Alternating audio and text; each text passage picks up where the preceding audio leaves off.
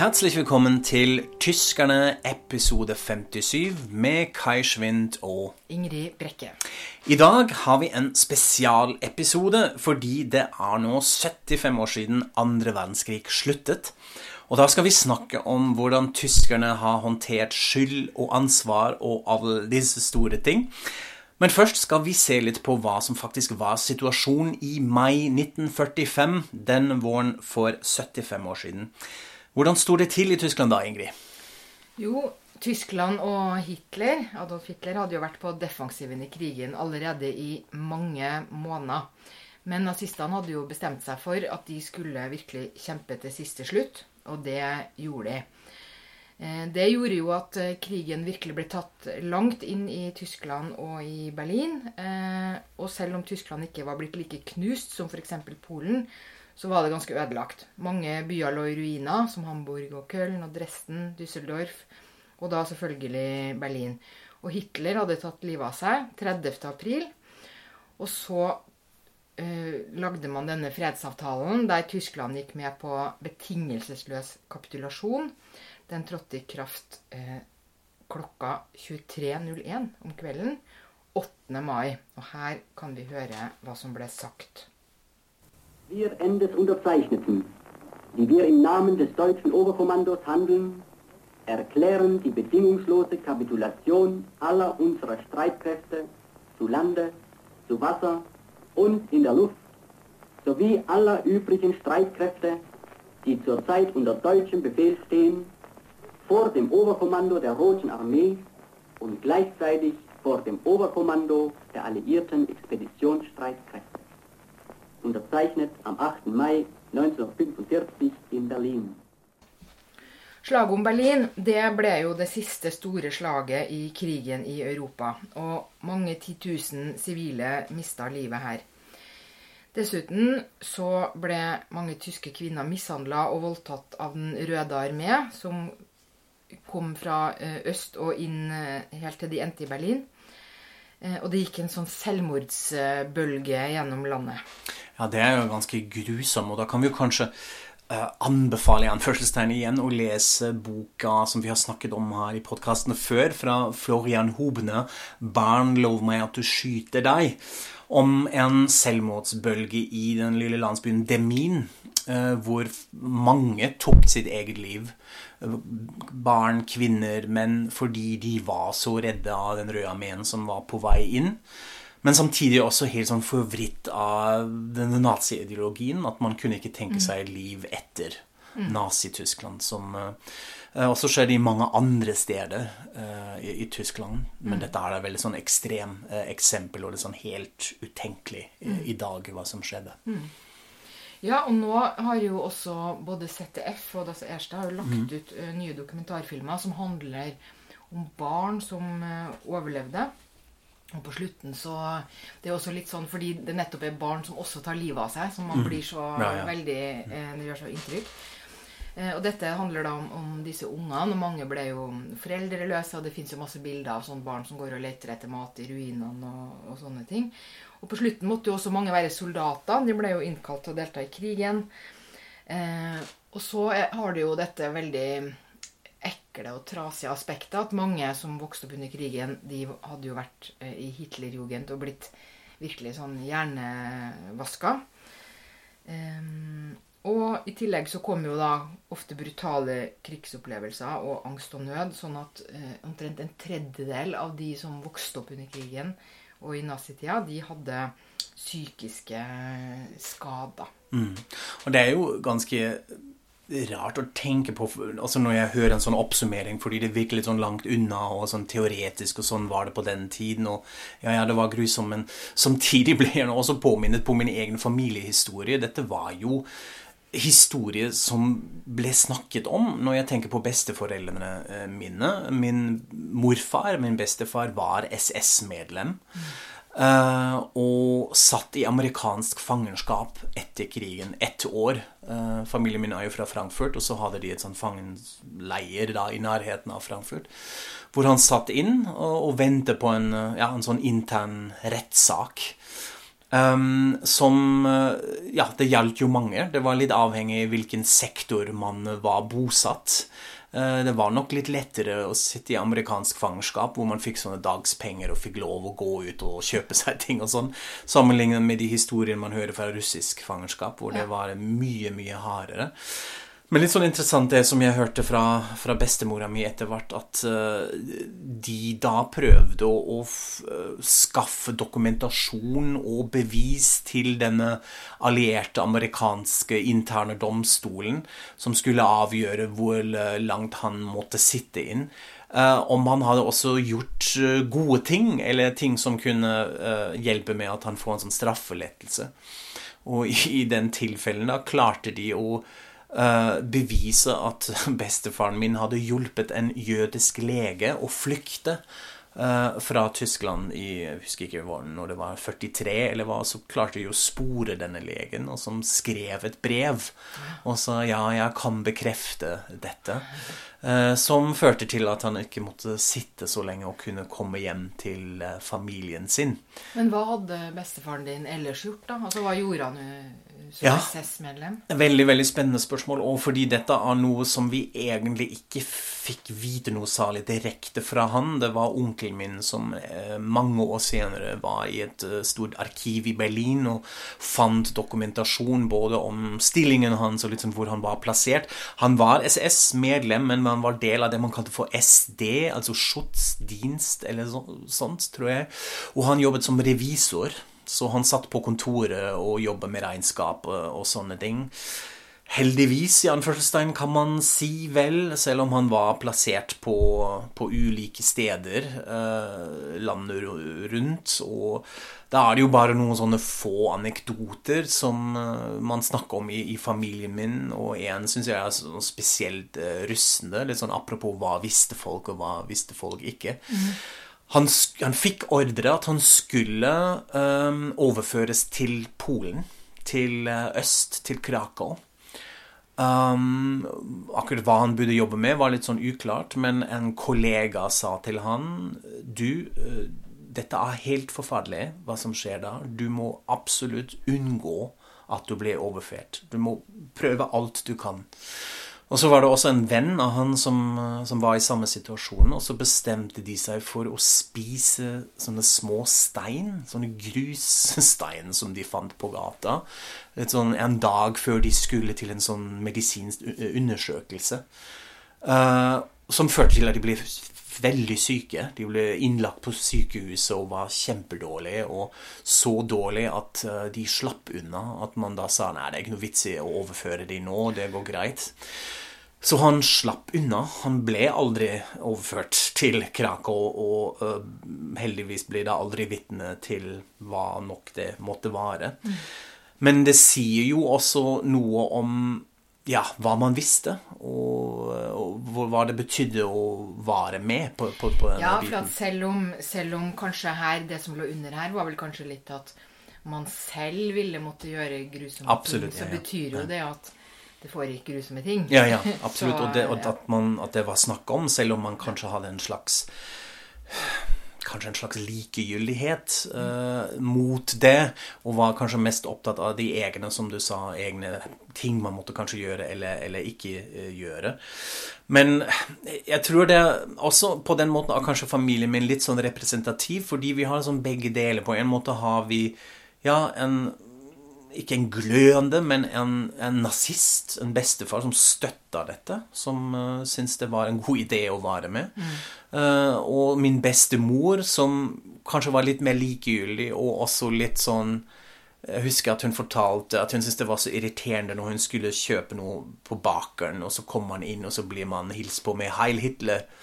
Og så sa hun jeg syntes det var så teit. Jeg svarte alltid 'god morgen'. Syntes det var unødvendig å gjøre sånt. Uh, så man hadde litt i sånn nøtteskall kanskje mm. hvordan flesteparten av befolkningen hadde det mm. både under og etter hvert også etter krigen, som ja, vi nå snakker om. Men man vet jo egentlig ikke ordentlig eh, hvor stor andel av tyskerne som, eh, som eh, virkelig støtta naziregimet. Altså det man vet, er jo at de hadde ganske stor støtte før Hitler kuppa. Og man, de aller fleste historikere regner med at støtten var jevnt høy helt til krigen var over. Og så fins det faktisk en meningsmåling som amerikanske militære gjorde i 1948. Og da var det 55% som, som sa at nazismen hadde vært en god idé, men kanskje litt dårlig gjennomført. da. Så det sier noe om at eh, det ligger eh, Det lå høyt. Altså dette var, var mm, folket, da.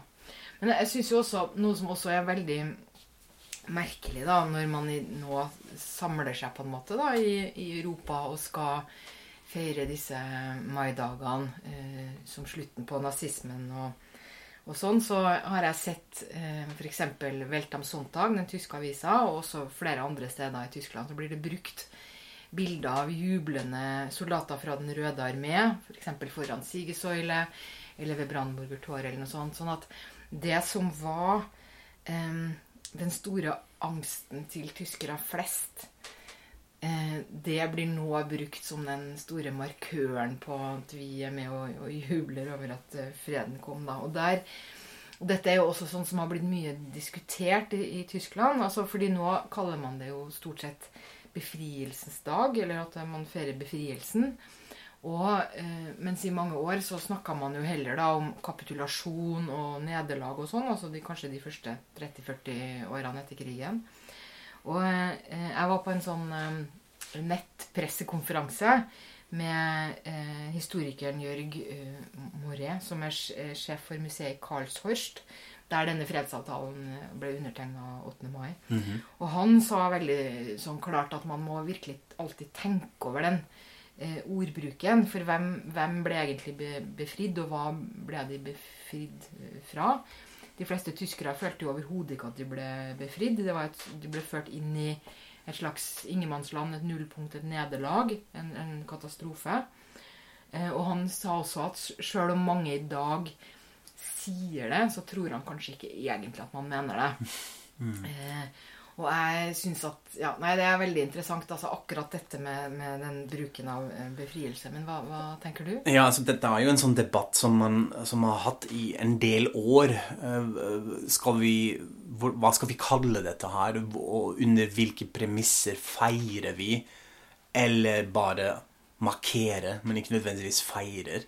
Som er jo også litt interessant i seg selv, hvordan en sånn tysk markering egentlig ser ut av, denne dagen. Og jeg har egentlig alltid vært litt sånn småirritert over denne diskusjonen, og også spesielt av forsøket å innføre begrepet befrielse.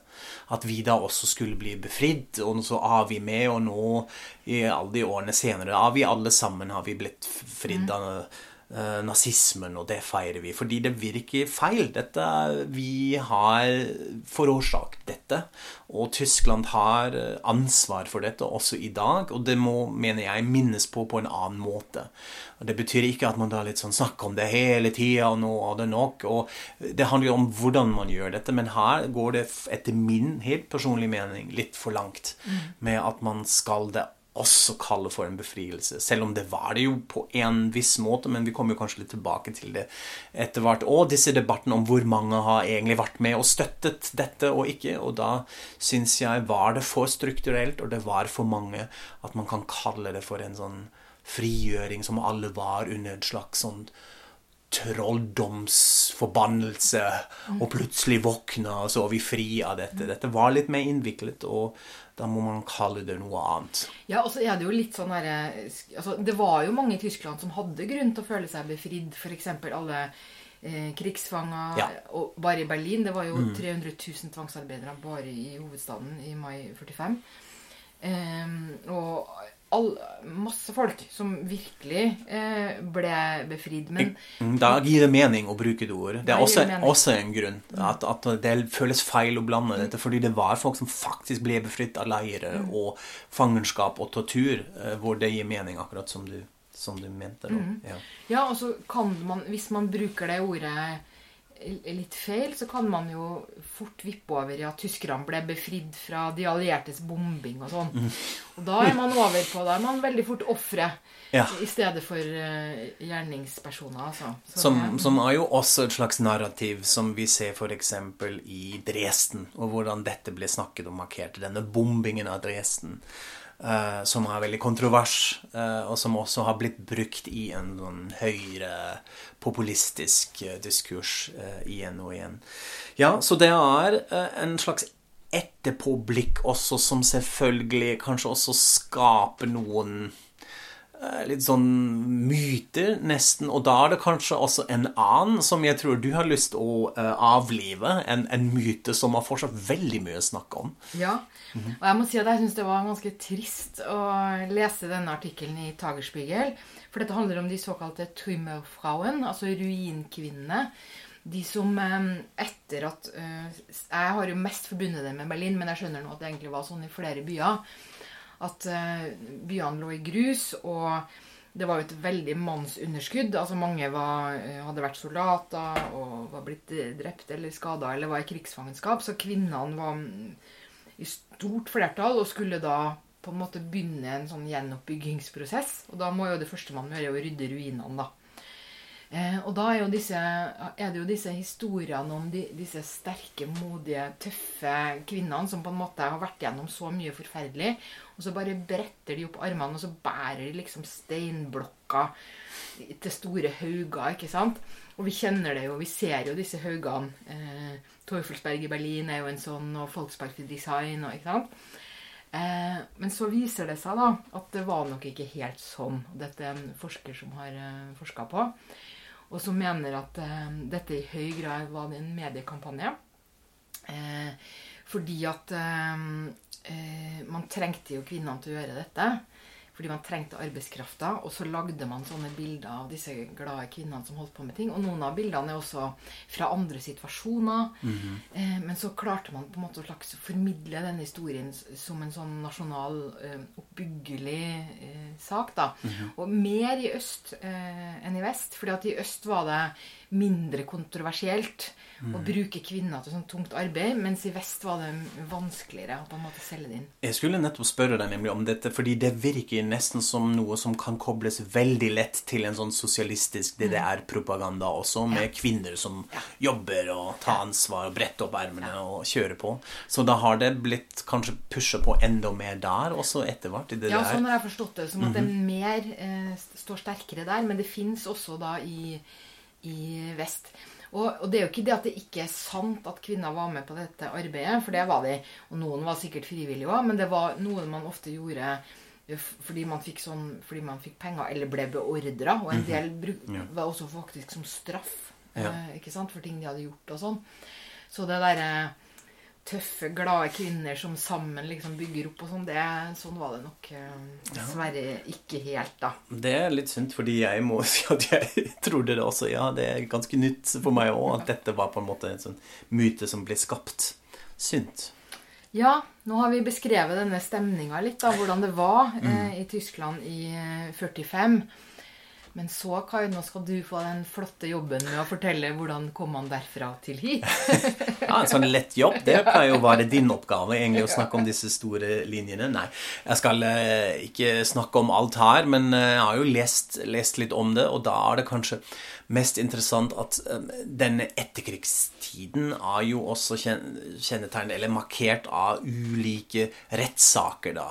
Eh, og i forbindelse med disse rettssaker da store debatter i den tyske offentligheten. Og det første som, som sikkert mange har hørt om og kjenner til, er da altså disse Nürnberg-prosessene, altså de rettssakene fra Nürnberg, som ikke skjedde i regi av den tyske staten, men av alliertene, hvor altså de nazistene som fortsatt var i live, den, den nomenklaturen, altså overklassen, skulle stilles til retten. Eh, med alle kjente bilder som gikk verdens rundt osv., hvor, hvor de ble dømt. Um, men det, ja, som sagt, eh, ikke egentlig i regi av Tyskland. Det kom noen år senere, og dette var litt interessant å lese, at også tyske lovgivning, ble forandret. Egentlig nesten over fem år senere, etter krigens slutt, for å kunne åpne opp mot straffeforfølgelser innenfor Tyskland mot tyskere. Og da var det i 1950 og oppover at man begynte å ha rettssaker som gikk litt eh, inn på dette. Eh, først og fremst var det andre tyskere som kanskje mista posisjoner på grunn av nazismen og sånne ting. At man snakka om kompensasjon og hadde sånne rettssaker. Som da etter hvert førte til disse veldig kjente Auschwitz-rettssakene på slutten av 60-tallet mm.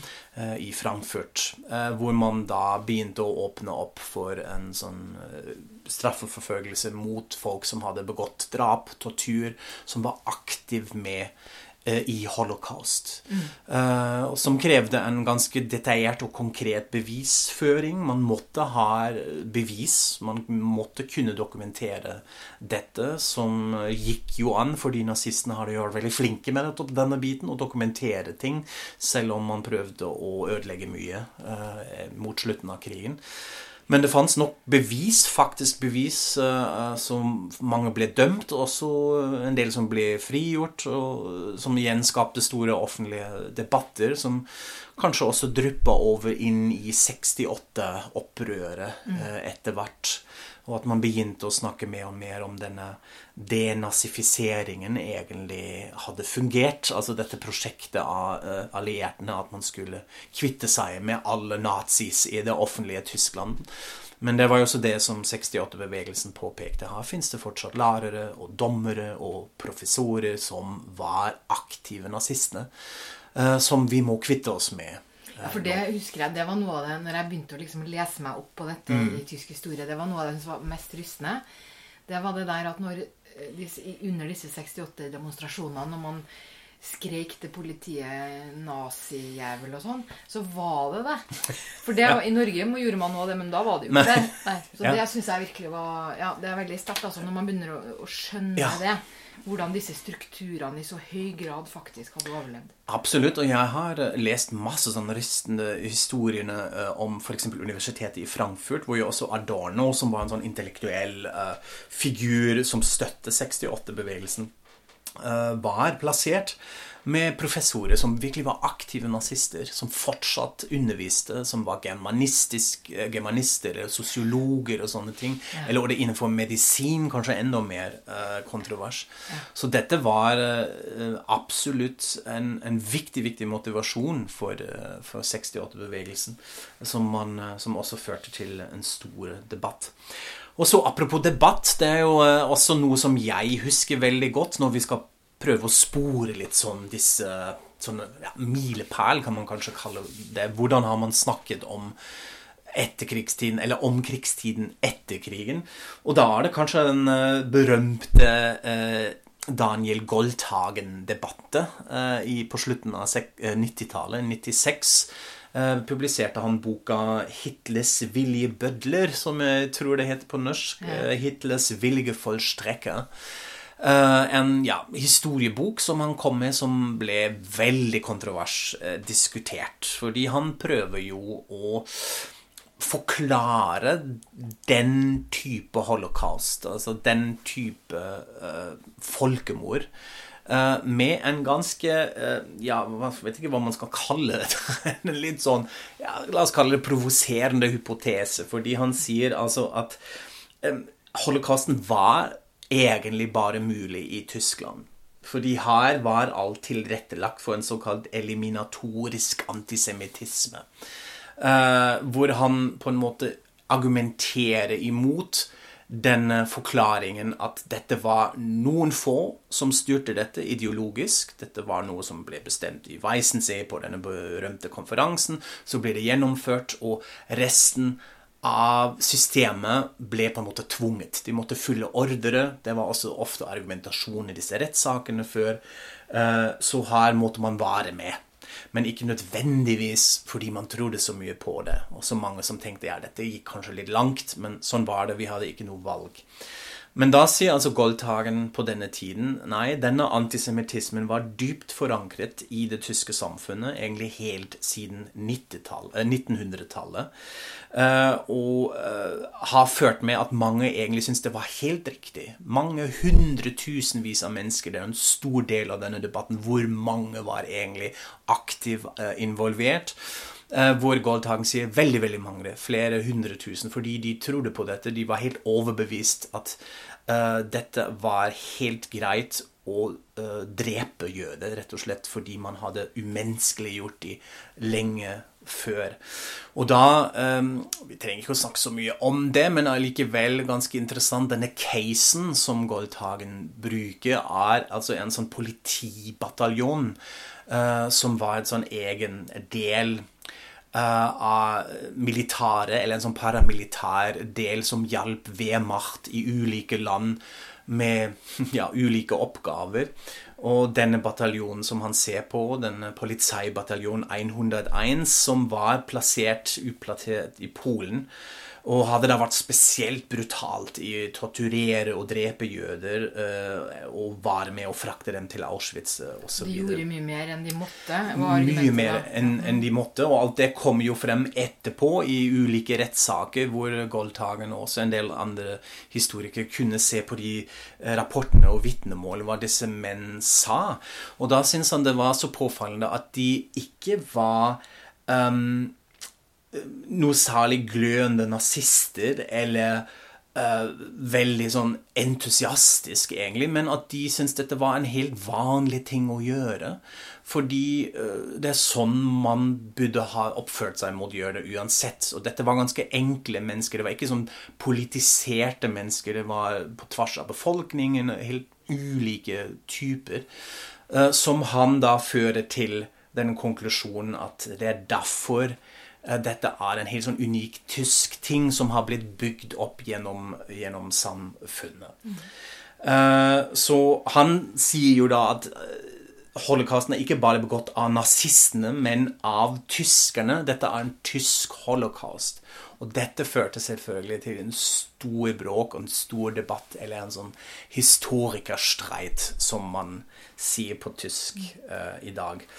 Og for oss er det jo litt merkelig å se på dette i dag, fordi man, han svarer jo, eh, og det var også den kritikken som han fikk allerede da, han svarer ikke på ja, men hva skjedde med alle disse andre politibataljoner som var plassert i andre land, i Danmark, sånn moteksempler hvor det ikke skjedde noe av dette. Hvordan forklarer du alle disse medhjelpere som ikke var tyske, som var, gikk kanskje like entusiastisk frem i Polen f.eks., i Frankrike, i andre land. Og hva skjedde etter krigen? da? Var plutselig alle ikke antisemitter lenger, som han ikke klarer å svare på ordentlig. Så hans hypotese, også hele boka, blir avfeiet av sitt eget fagmiljø. Um, og det syns jeg også ble litt, litt teit når jeg leste meg litt opp på dette nå, så på en YouTube-klips at det ble avsporet litt til en sånn metodekrangel og mange historikere som snakker litt som om det narrativet her, men samtidig ligger det jo ganske essensielle spørsmålet under, nemlig er det en sånn spesiell tysk antisemittisme, kanskje, eller er det bare tull? Eh, og hva skjer med det etterpå? Altså denne overgangen fra folk som støtter dette med vilje, til ja, plutselig uh, har egentlig ingen vært med. Mm. Ja. Nei, for jeg, jeg syns det er veldig ja, jeg synes egentlig det er ganske provoserende bare å sitte og høre på dette, kjenner jeg. Fordi, fordi jeg, forestiller, jeg forestiller meg jo at eh, i Europa på 20-tallet f.eks. så var jo antisemittisme helt veldig, veldig utbredt, og hadde jo vært det i hundrevis av år. Eh, og så kommer da eh, Hitler til makta, og så starter de et propagandaopplegg som er beinhardt. Og år for år så strammer de inn og dehumaniserer jødene. Mm. Og i tillegg så kommer jo det at jødene i Tyskland var jo en ganske liten minoritet, så det var jo mange som ikke kjente jøder personlig og sånn, så man var jo et slags det er lettere å overbevise folk om at noen de ikke vet hvem er, er, er ikke er mennesker. Eller, ja. mm. Sånn at når krigen brøt ut, og enda senere holocaust begynte for alvor, så var, var jo mange mye modnere. da. Og, og den forminga av folk, den tenker jeg at hvis vi begynner å tro at ja, det er bare noe tyskerne kan bli utsatt for, da er vi ute på veldig sånn farlig vei, altså. Fordi det er ligger i oss alle som en sånn stor fare. Men samtidig, absolutt, den derre tanken om at det bare var noen få skurker, da, eh, og alle de andre bare var uvitende og sånn, det er jo ikke bra. Nei, men Det er jo enda en sånn myte, kanskje. Altså Akkurat som En Trummerfrauen myte, og ja. Autobahn til Hitler og dette. Ja. Altså Det er jo eh, Ja. del av denne rekken, egentlig. Men så er det, Mm. det er også sånn når du uh, forteller om dette uh, Disse store sånne debattene som har gått uh, om krigen og hvordan man skal tenke om det, de er på en måte litt over nå, føler jeg. Mm. Men i, nå for, en, for noen uker siden så kom det faktisk en ny bok som kanskje har litt sånn sprengstoff i seg. Og det er en statsviter som heter Samuel Salzboen, som er ved et universitet i Berlin. Eh, og han har skrevet en bok som heter 'Kollektive Unschuld'. De Abwehr der Shoah im Deutschen Erinnern. Eh, og der eh, Han sier da at, eh, eller, eh, at dette at Tyskland er så utrolig gode på sånn Vergangenheitsbewältigung, altså forvaltning av fortiden og, og, og forholde seg til krigen og sånn, det er den største løgnen i, i Forbundsrepublikken. eh, og hans eh, begrunnelse er at eh, det fins et enormt sprik mellom det offentlige og det private. For en, tyske politiske ledere og staten og alle sånne myndigheter gjør kjemperiktige ting. De holder alle disse talene, alle ritualene på alle minnedagene. Man legger seg flat, legger ned kranser, har tatt på seg ansvar og dealer med saken. ikke sant? Men hva skjer liksom inni folk? Det er da en annen eh, historie i privatlivet, da. Um, og det, eh, der har det kommet en helt fersk undersøkelse nå, eh, som ditt site har gjort. Og det da Den viser da at når folk får spørsmålet hva gjorde min familie, altså mine forfedre, eh, under krigen, så er det 3% som sier at de var støttespillere til nazistene. Og så er det 21% som sier at de var medløpere, og så er det 30% som sier at de var motstandere. Og dette er jo totalt forvridd i forhold til hvordan, eh, hva som egentlig var fakta. Og et enda mer sånn ekstremt eksempel det var i en undersøkelse i fjor av Universitetet i Bielefeld. Og der sier 30% at deres familie hjalp nazistenes ofre aktivt. Mens i virkeligheten så var det 0,3% som gjorde noe sånt. Sånn at i privatlivet eh, så har, har liksom det tyske folket i gjennomsnitt et helt forvridd bilde av hvor deres eh, familie sto. Det er veldig interessant og også litt rystende og provoserende altså, å høre på disse tall. Samtidig er jeg også litt usikker hva man da skal gjøre med, med hypotesen til Salzborn. Altså, betyr det da at vi på en måte må slutte å snakke om dette på en viss måte i offentligheten? Må vi være smartere og snakke om det? Må vi, eller andre siden av den medaljen, må vi bare droppe denne tanken at vi kan på en måte bestemme hvordan folk tenker på privaten? At det er rett og slett en feil tilnærming? At vi må prøve å overbevise alle på det private òg? Uh, og hva slags konklusjoner drar vi da rundt den nye høyrepopulismen? Altså, Hvordan forklarer vi f.eks. For AFD på bakgrunn av dette? Vi skulle jo egentlig være immun mot sånt i Tyskland, ikke sant? Altså, Jeg stiller bare mange spørsmål, jeg har ikke noe Ja. svar, men Nei, det har jo ikke jeg heller, da. Men, men jeg tenker litt sånn at eh, det er faktisk 75 år siden.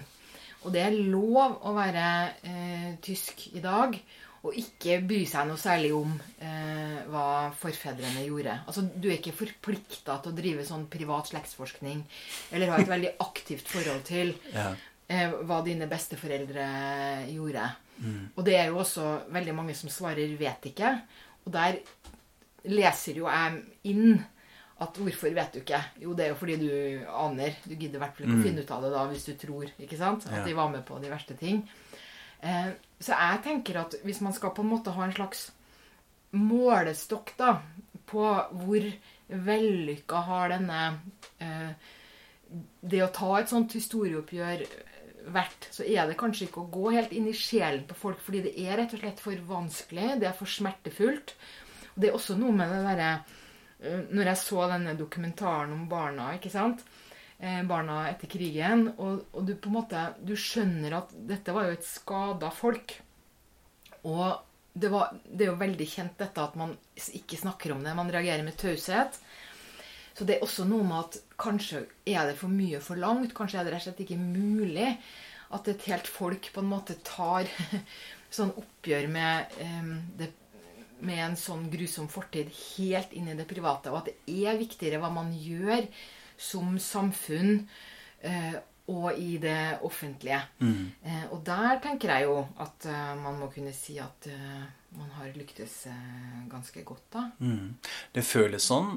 jeg vil bare dra det bitte litt videre før vi kanskje runder av, fordi vi har jo ikke noe svar på alt dette, men det er likevel veldig spennende å snakke om det.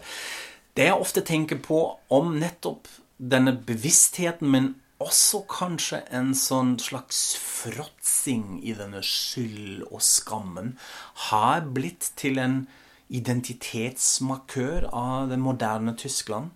Altså at det er sånn vi definerer oss. Vi begynner med å legge oss flat. Unnskyld, eh, eller jeg er tysk, unnskyld. Litt sånn det. Og at det påvirker både den interne politikken. Det påvirker spørsmålet som vi har sett på 90-tallet. På slutten av 90-tallet skal Tyskland være med Nato-styrker på Balkan, som førte til en slags splittelse av Grønnpartiet. Dette dukker opp igjen når Schrøder vant valget med å si vi skal ikke være med på Irak, på andre Golfkrigen. Fordi man bør berope seg igjen på denne litt vage uh, pasifismen, som alle er antageligvis enige om.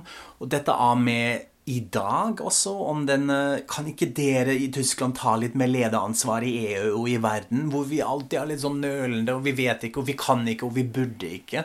Altså, dette er, føler jeg, når vi snakker om det på denne måten nå i dag, og prøver å se på disse store linjene, kanskje en, en slags lærdom som har litt sånn to sider ved seg, som jeg ofte kan bli litt irritert av selv. Ikke med konklusjonen at man burde glemme, og nå må vi bare komme oss videre, men at man burde kanskje snakke litt smartere om dette, og være litt, litt klokere hva vi gjør med det. Ja, og kanskje er det litt det som skjer nå, fordi eh, det var et eh, kjempepoeng som journalisten i ditt site som skrev denne artikkelen om undersøkelsen, hadde Eh, for han mener nemlig at man har jo velta seg litt mye i denne selvtilfredsheten over å være så utrolig god i å, i å forvalte fortida og holde mm. på med krigen og sånn. Mens nå, fordi AFD har blitt så store, og fordi vi får, har fått disse fæle nye høyreekstreme angrepene og sånn, så, så, kan man ikke lenger sitte og liksom føle at man er verdensmester og er så selvtilfreds. og sånn. Så det som har skjedd, da, mener han, og det tror jeg kanskje han har rett i, det er at argumentene mot ytre høyre har blitt bedre. Eh, og talene til politikerne har blitt bedre. altså man, man, man, tar det mer på alvor nå. Det er ikke bare disse ritualene. Det ligger noe sånn ordentlig bak. Og det tenker jeg også er en sånn viktig ting man kan tenke på som arv, arven etter krigen. At ja, man har AFD, som man jo virkelig skulle ønske at man slapp i et land som nettopp har denne forferdelige fortida. Men samtidig så har man også AFD-partier fins i mange land. Men det man har i Tyskland som ikke fins i så mange land, det er denne veldig sterke fronten mot AFD, som omfatter alle de andre partiene. Ja. Mm. Og det er jo også en arv etter eh, krigen som mm. er verdt å, å, ta til seg som at noe godt arbeid må man jo ha gjort. Absolutt, og at man da også er litt mer obs på at man finner nye begrunnelser mot høyrepopulismen. Ikke noe som peker til fortiden, men at vi argumenterer med dem i det her og nå. Ja, nettopp. Ja. Veldig spennende. Sikkert ikke siste gang vi snakker om dette, eh, men allikevel følte vi at det er fint å markere dette. 75 år siden. Eh, vi hører gjerne fra dere om dette òg, så send oss eh, meldinger f.eks. på Facebook-siden, hvor dere også må gjerne følge med videre. Lik og del. Finn oss på Spotify og iTunes og overalt. Så er vi straks tilbake og sier auf Wiederhøen. Auf Wiederhøen.